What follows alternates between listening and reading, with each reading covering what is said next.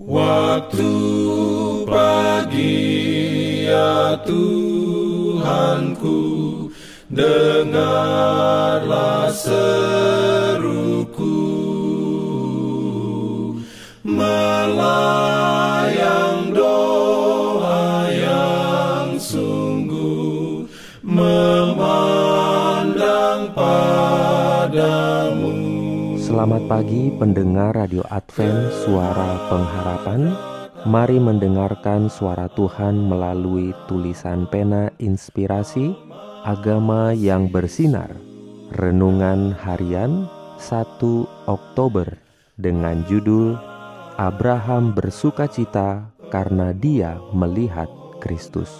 Ayat inti diambil dari Yohanes 8 ayat 56 Firman Tuhan berbunyi, Abraham bapamu bersuka cita bahwa ia akan melihat hariku, dan ia telah melihatnya, dan ia bersuka cita.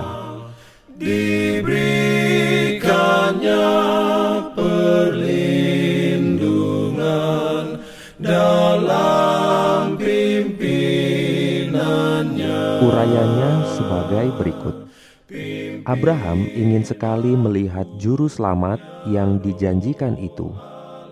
Ia mempersembahkan doa yang sangat tekun agar sebelum kematiannya ia boleh memandang Mesias.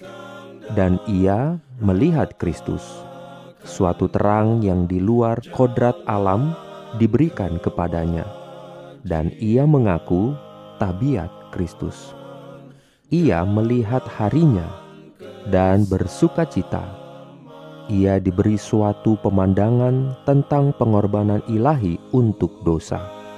Dari pengorbanan ini, ia mendapat suatu gambaran dalam pengalamannya sendiri. Perintah datang kepadanya, "Ambillah anakmu yang tunggal itu, yang engkau kasihi, yakni Ishak, dan persembahkanlah dia sebagai korban bakaran." Di atas mesbah korban, ia meletakkan anak perjanjian, anak yang dalamnya harapannya dipusatkan. Lalu sementara ia menunggu di sisi mesbah dengan pisau yang diangkat untuk menaati Allah, ia mendengar suatu suara dari surga berkata, "Jangan bunuh anak itu, dan jangan kau apa-apakan dia." Sebab telah ku ketahui sekarang bahwa engkau takut akan Allah, dan engkau tidak segan-segan untuk menyerahkan anakmu yang tunggal kepadaku. Ujian yang hebat ini diberikan kepada Abraham agar ia melihat hari Kristus dan menyadari kasih Allah yang besar bagi dunia. Begitu besar sehingga untuk mengangkat dari kehinaannya, ia mengaruniakan anaknya yang tunggal kepada kematian yang paling hina. Abraham mempelajari dari Allah tentang pelajaran yang terbesar yang pernah diberikan kepada makhluk yang fana. Doanya agar ia boleh melihat Kristus sebelum ia mati sudah dijawab.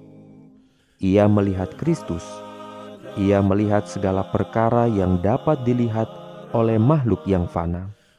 Oleh mengadakan penyerahan sepenuhnya, ia sanggup mengerti hayal tentang Kristus yang telah diberikan kepadanya.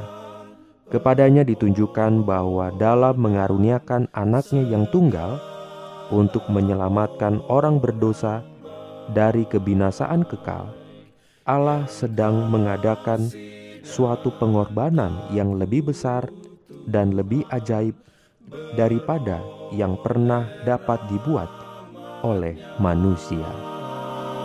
Amin. Diberikannya perlindungan dalam pimpinannya.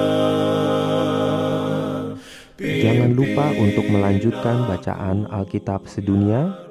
Percayalah kepada nabi-nabinya yang untuk hari ini melanjutkan dari buku Mazmur pasal 148. Selamat beraktivitas hari ini. Tuhan memberkati kita semua. Jalan kewajiban,